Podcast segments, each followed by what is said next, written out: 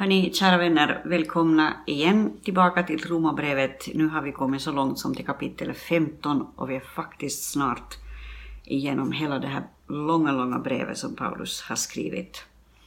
Idag så kommer jag att kommentera, um, inte hela kapitlet, utan ungefär till, till vers 16, eller kanske några verser förbi det också, men i alla fall inte hela kapitlet. Och det betyder att uh, den sista gången så kommer vi att gå igenom slutet på kapitel 15 och sedan kapitel 16 som faktiskt i stora delar innehåller namn. Och eh, de här namnen, det kan jag berätta redan nu, de här namnen i kapitel 16 kommer jag den här gången inte att kommentera. Betyder inte att namn är oviktiga eller att människor eh, som har tjänat Herren hundratals och tusentals år tillbaka eh, att deras namn skulle vara oviktiga. En dag så kommer vi att möta dem i himlen faktiskt. Eh, och eh, det är syskon i tron, eh, så det är inte oviktiga, oviktiga namn, men, men jag kommer inte att kommentera det oavsett. Det fascinerande är ju, och det har jag sagt tidigare, att namn i Bibeln har oftast en betydelse och därför så kan det vara nog så viktigt att titta på vad människor har har haft för namn och eh, kanske också titta på vad de har sysslat med, för ibland så säger namnet en hel del också om kallelsen. Eh, men nu går vi till Romarbrevet 15 och jag ska läsa därifrån ett antal verser och så ska jag kommentera det. Vi som är starka är skyldiga att bära de svagas svagheter och inte tjäna oss själva. Var och en av oss ska tjäna sin nästa till hans bästa och hans uppbyggelse. Kristus tjänade inte sig själv, utan som det står skrivet, dina smedares smedelser föll över mig. Allt som har skrivits tidigare är skrivet till vår undervisning för att vi ska bevara vårt hopp genom den uthållighet och tröst som skrifterna ger. Må uthållighetens och tröstens Gud hjälpa er att vara eniga med varandra efter Kristi vilja, eh, så att ni alla med en mun prisar vår Herre Jesu Kristi Gud och Far. Ta därför emot varandra så som Kristus har tagit emot er till Guds ära. Vad jag vill säga är att Kristus har blivit de omskurnas tjänare för att visa Guds trofasthet och bekräfta löftena till fäderna och att hedningarna har fått prisa Gud för hans barmhärtighet som det står skrivet. Därför vill jag tacka dig bland hedna folken och lovsjunga ditt namn. Det står också jubla ni hedna folk tillsammans med hans folk. Och på ett annat ställe lova Herren alla hedna folk, prisa honom alla folk. Och vidare säger Jesaja, Isaias rot, han som står upp för att regera över folken, på honom ska hedna folken hoppas. Må nu hoppets Gud fylla er med all glädje och frid i tron så att ni överflödar i hoppet genom den helige Andes kraft. Mina bröder, för min del är jag övertygad om att ni själva är fyllda av godhet och uppfyllda av all kunskap och att ni också kan förmana varandra. Ändå har jag delvis skrivit ganska djärvt till er för att påminna er i kraft av den nåd som jag fått från Gud. Jag är Kristi Jesu tjänare bland hedningarna i helig prästtjänst för Guds evangelium, så att hedningarna blir ett offer som Gud med glädje tar emot, helgat genom den helige Ande.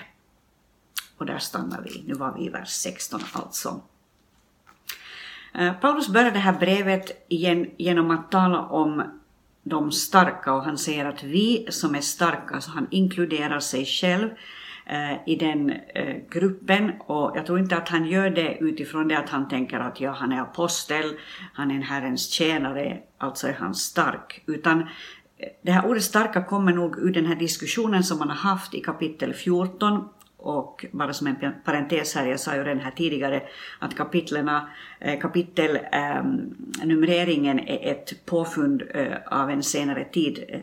Det här brevet var ett långt brev eh, ursprungligen, så när han här talar om de starka så ska vi nog läsa det som en koppling till det som han har sagt i kapitel 14 om de som är svaga i tron. Men han säger alltså här att vi som är starka, vi som har den här Um, övertygelsen att vi kan äta kött som har varit med om avguda offer eller vi kan uh, fira sabbaten inte bara på den ursprungliga judiska sabbatsdagen. Uh, vi som är starka är skyldiga att bära de svaga svagheter och inte tjäna oss själva.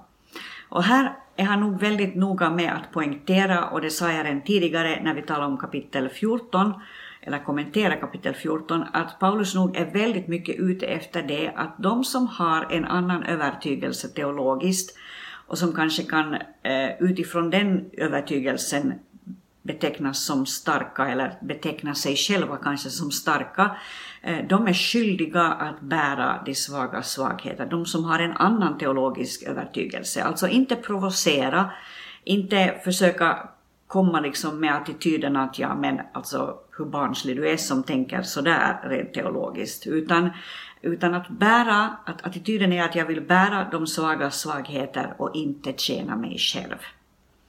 Och han säger eh, att var och en av oss, nu är jag i vers 2, eh, ska tjäna sin nästa till hans bästa och hans uppbyggelse. Så mitt liv, eh, inte bara för att jag är pastor, utan mitt liv för att jag är en troende människa, ditt liv därför att du är en troende människa ska handla om att vi tjänar vår nästa till hans och hennes bästa och hans och hennes uppbyggelse.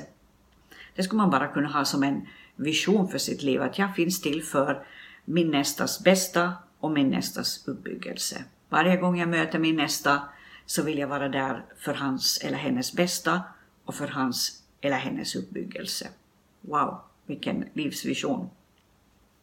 Och han motiverar det här utifrån det, och nu är vers 3, att Kristus tjänade ju inte sig själv, utan som det står skrivet, dina smedares smedelser föll över mig. Så han säger att Kristus kom inte för att tjäna sig själv, Eh, och då menar han inte bara det att Kristus dog eh, för oss, dog för oss alla, utan han, han tänker på hela Kristi tjänst, antar jag. Att Kristus kom för att tjäna andra. Ända in i det sista så tvättar han lärjungarnas fötter och visar att han har kommit inte för att bli betjänad, utan för att tjäna. Och det är vår kallelse. Eh, att tjäna den stad där vi bor i. Och, jag tänker att det finns en, det hade jag kanske också sagt tidigare, men jag vill säga det en gång till. Eh, jag tycker att det finns en fascinerande tanke bakom det att, att, eh, att varje metodistpastor inte är specifikt sänd till den församling där han eller hon ska verka, utan till den stad där han eller hon ska verka. Och jag tänker att som församling så är vi också inte till för oss själva framförallt att vi ska ha det så gott som möjligt i församlingen. Och pastorns roll är inte att sköta om alla i församlingen primärt, utan vår kallelse är till staden. Eh, vi är här inte för att tjäna oss själva, utan för att tjäna staden, eh, för att vara till välsignelse för staden. Eh, så när vi samlade in lite pengar och eh, skickade lite, eller förde eh, lite godis och kex och annat gott ätbart till sjukhuset när coronan startade i mars 2020, då var det för att vi ville tjäna staden, inte bara tjäna oss själva genom att kolla hur mår den och den i församlingen. Vilket ju förstås också är viktigt, men, men vår kallelse är mycket bredare än församlingen. Kristus tjänade inte sig själv, utan som det står skrivet, dina smedares smedelser föll över mig. Och så står det i vers 4, allt som har skrivits tidigare, och då handlar det ju för Paulus om Gamla testamentets skrifter primärt, allt det är skrivet till vår undervisning för att vi ska bevara vårt hopp genom den uthållighet och tröst som skrifterna ger. Så han säger, och han understryker, att skrifterna, det som har skrivits under den helige Andes inspiration, det är sänt till oss till att vara eh, vår hjälp i bevarandet av hoppet eh, och ska ge oss uthållighet och tröst. Så varje gång du går till ordet så kan du förvänta dig att därifrån kommer hopp, därifrån kommer uthållighet och därifrån kommer tröst. Och så säger han i vers 5, och uthållighetens och tröstens Gud hjälpa er att vara eniga med varandra efter Kristi vilja, så att ni alla med en mun prisar vår Herre Jesu Kristi Gud och Far. Så här kommer det här med enheten in i bilden. Han säger att må, må Gud hjälpa er att vara eniga efter Kristi Jesu vilja. Alltså vi behöver uppenbarligen Guds hjälp till att kunna vara eniga och till att kunna bevara enheten eh, så att vi alla med en mun, det är ju också en bild på enhet, att vi med en mun prisar vår Herre Jesu Kristi Gud och Far. Ingenting är så starkt som en armé som har en enad vision, en enad eh, tanke om vad de ska göra och en enad sån här kallelse visshet. Eh, och eh, det är nog en utmaning för den kristna församlingen genom eh, alla tider. En vedklabb åstadkommer inte mycket, det vet alla som har försökt sätta eld i, i den öppna spisen eller tända eld i den öppna spisen. Har du flera vedklabbar skapas mycket värme på en kort tid. Man får mycket till stånd genom enhet genom arbetsteam som är enade i skolor eh, eller när man bygger ett hus, när det byggs eh, nya byggnader i staden. Det är en enad vision bakom vad man ska göra och det är det som gör att det händer saker snabbt och, eh, och det händer saker effektivt. Och jag vill bara se ut det nu i den här tiden när vi kanske kan börja räkna med att coronan börjar släppa sitt grepp eller, eller vaccineringarna börjar göra sitt Eh, och jag tackar Gud för dem. I alla vaccineringsdiskussioner så är, är det min attityd. Jag är jättetacksam för alla de som jobbar för eh, att vi ska kunna få vaccinering eh, i den här tiden. Och jag tänker att, att i den här tiden så, så, är det, så hoppas jag att, att, att, att, att du som har gömt dig under coronan ska hitta tillbaka till din församling eh, när det börjar gå att samlas i större skaror och när det börjar gå att, eh, att, att komma samman för att prisa Gud. Att, gör, att vi kan göra det med, en, en, med ett enat hjärta, med en enad längtan efter att få se staden berörd av Jesus. Det är mycket som kan hända när vi går fram i enhet. Och så står det så här, ta därför emot varandra, nu är jag i vers 7, så som Kristus har tagit emot er till Guds ära. Och det är nog liksom en förebild att leva av en stor utmaning. Ta emot varandra så som Kristus har tagit emot er. Så som du upplever att Kristus har förbarmat sig över dig, förlåtit dig, eh, liksom sett, sett dig i, i din värsta version eller sett mig i min värsta version och ändå tagit emot mig på samma sätt ska vi ta emot varandra och ta emot nya människor. Och så säger han i vers 8, vad jag vill säga är att Kristus har blivit de omskurnas tjänare för att visa Guds trofasthet och bekräfta löftena till fäderna och att hedningarna har fått prisa Gud för hans barmhärtighet som det står skrivet. Och så kommer ett, ett citat från Gamla Testamentet. Så han vill säga att Kristus har blivit judarnas tjänare, de omskurnas tjänare, för att visa Guds trofasthet. Alltså, han vill visa ännu en gång till det judiska folket att Kristus kom för att betjäna också dem och att det offer som Jesus eh, är och eh, har gett genom sitt eget liv genom att dö på korset är ett offer som också judarna behöver. Trots att de är Guds utvalda folk och Guds älskade folk från början så behöver de eh, den betjäning, den, den, det tjänande som Jesus kom för att ge genom sin egen kropp. Och så står det så här, och det här var citatet jag hoppar över. Därför vill jag tacka dig bland hedna folken och lovsjunga ditt namn. Och så kommer ett flertal citat eh, från Gamla Testamentet där hedna folken eh, omtalas. Det står också jubla ni hedna folk tillsammans med hans folk. Eh, och eh, det här är ett citat som är hämtat från eh, ehm, ja, nu hittar jag det inte, från femte Moseboken 32. Alltså, det är uppmaningar, profetiska uppmaningar som kom hundratals år innan Jesus kom. Så kommer det profetiska uppmaningar att ni hedna folk en dag ska få jubla tillsammans med Guds utvalda folk. Jubla i hedna folk tillsammans med hans folk. Eh, lova Herren alla hedna folk, prisa honom alla folk. Det var i vers 11. Och vidare säger Jesaja, Jesajas rot, han som står upp för att regera över folken, på honom ska hedna folken hoppas. Hedna folken ska sätta sitt hopp till Jesus Kristus. Och, eh, och Jesus Kristus ska bli den som förenar allt Guds folk. Det här är ju fantastiskt.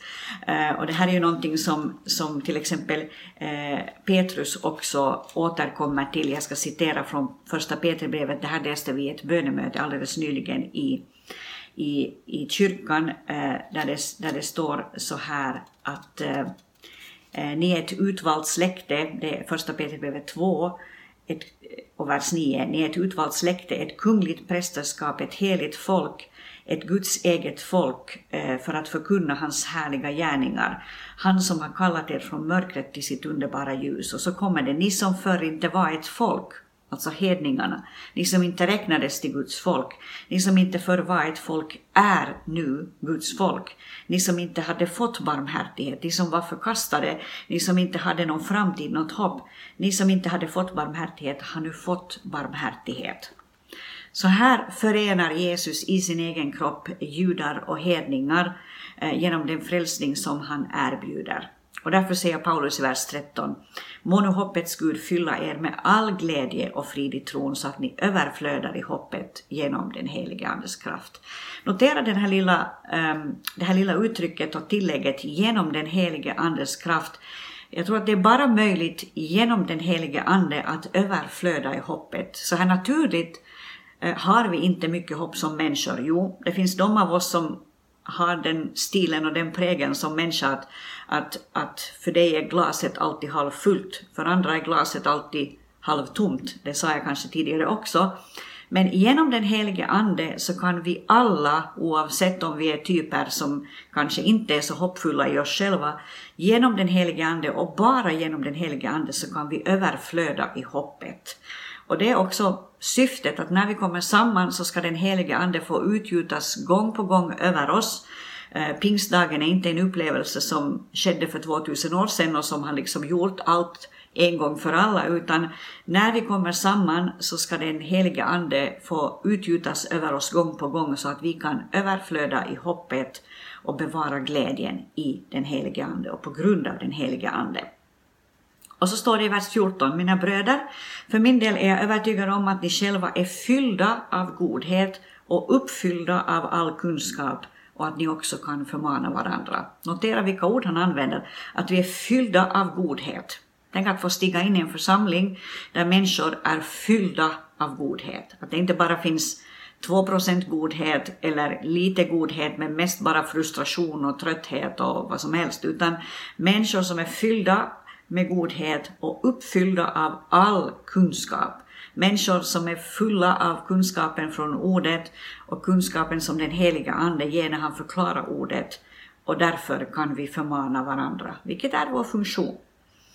Eh, Ändå har jag delvis skrivit ganska djärvt till er. Paulus är kanske lite så här har kanske lite dåligt samvete för att han har uttryckt sig lite skarpt ibland, för att påminna er i kraft av den nåd som jag har fått från Gud. Och så säger han, jag är Jesu Kristi tjänare bland hedningarna i helig prästtjänst för Guds evangelium, så att hedningarna blir ett offer som Gud med glädje tar emot, helgat genom den helige Ande. Och eh, lite senare säger han så här, alltså har jag en ära i Kristus Jesus i min tjänst, Eh, inför Gud. Jag vågar inte tala om annat än det som Kristus har gjort genom mig för att föra hedningarna till lydnad genom ord och gärning. Genom kraften i tecken och under, genom den helige Andes kraft. Så har jag från Jerusalem och runt omkring ända till Illyrien överallt predikat Kristi evangelium.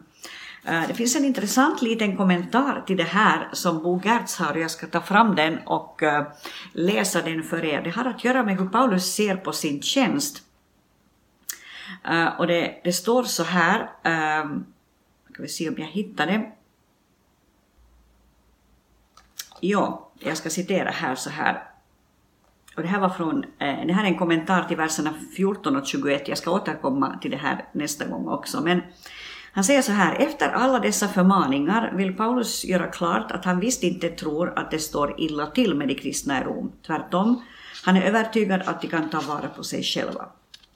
Om de tycker att han varit välbyndig så får de komma ihåg att han är apostel och har sitt uppdrag från Kristus Jesus.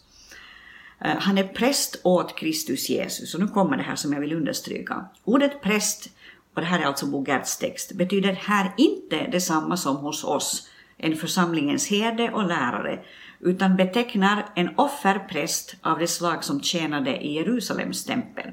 Så Paulus använder, nu är det jag som talar inte Bogerts. Paulus använder alltså ordet präst om sig själv här en gång och då, han, då menar han inte den typen av präst som han till exempel eller som vi tänker och som har bakgrunden i till exempel Efesierbrevet 4 där, där det talas om herdar eh, och ehm, eh, lärare, eh, som ju Efesierbrevet 4 talar om, utan och nu går jag tillbaka till Bo Gertz, utan det betecknar en offerpräst av det slag som tjänade i Jerusalems tempel. Nya testamentet talar nämligen om två slag av präster. Det ena utgörs av förkunnare, ordets tjänare och församlingens ledare. De kallas för herdar och lärare, eller presbyterer. Och det är från ordet presbyter som vi har fått ordet präst. Eller episkoper, varav vi har fått ordet biskop, skriver Bo Gertz. Det andra slaget är offerprästerna, de som skulle frambära offer och böner i templet. De betecknas med helt andra grekiska ord, eh, vilka i vår bibel av gammalt översatts med präst. Och det här stället är det enda där Paulus använder sådana termer om sig själv. Genom Kristi offerdöd hade ju hela den gamla tempeltjänsten blivit överflödig. Kristus är vår store överstepräst och någon annan behövs inte. Det enda offer som nu återstår är de tackoffer som innebär att vi frambär oss själva som offer åt Gud, så som Paulus förr har sagt. Det sa han ju i Romarbrevet 12, vers 1. Eh, men som hedningarnas apostel, och nu kommer det, får Paulus inte bara bära fram sig själv utan också hedningarna, dem som han har vunnit för Kristus, som ett tackoffer på Guds altare. Detta är hans prästerliga tjänst. Så därmed talar han lite om den här förbönstjänsten egentligen som han har och som har sin bakgrund och sin bild i Gamla Testamentet. Eh, och, och jag vill, vill sluta här med att, att, bara säga det att den förbönstjänsten har ju vi som troende fortfarande. Vi är kallade att gå in i det allra heligaste på grund av Jesu blod. Nu citerar jag Hebreerbrevet, Hebreerbrevet eh, och, och frambära människor, sammanhang, städer och byar inför Gud eh, som en, en, en offergåva, som en gåva inför Herren och som en påminnelse om inför Herren att Gud berör alla dessa områden och då står vi alla i vår prästtjänst. Och därför så kan vi säga att vi, precis som alla andra heliga, och nu går jag tillbaka till det jag läste från första Petrusbrevet 2, det stod så här att vi ska komma till honom, den eh, levande stenen som är förkastad av människor, utvald och dyrbar inför Gud. Låt er själva som levande stenar byggas upp till ett andligt hus och så kommer det ett heligt prästerskap som ska bära fram andliga offer som Gud tar emot med glädje genom Jesus Kristus. Så vår kallelse, vare sig vi är apostlar som Paulus eller vi är vanliga troende i någon annan tjänst, vår kallelse kollektivt är att vara ett heligt prästerskap som frambär offer inför Herren. Vi frambär eh, tacksägelse, tacksamhet för allt han har gjort för oss, men också förböner för eh, människor och sammanhang, städer och länder, eh, vilket ju är ack så viktigt i den här tiden när vår värld är lite omskakad av det här viruset. Och därmed vill jag avsluta för den här gången. Nästa gång kommer vi tillbaka till återstoden av Romarbrevet 15 och slutet sen i Romarbrevet 16. Tills dess, ha en jättefin vecka. Gud välsigne dig.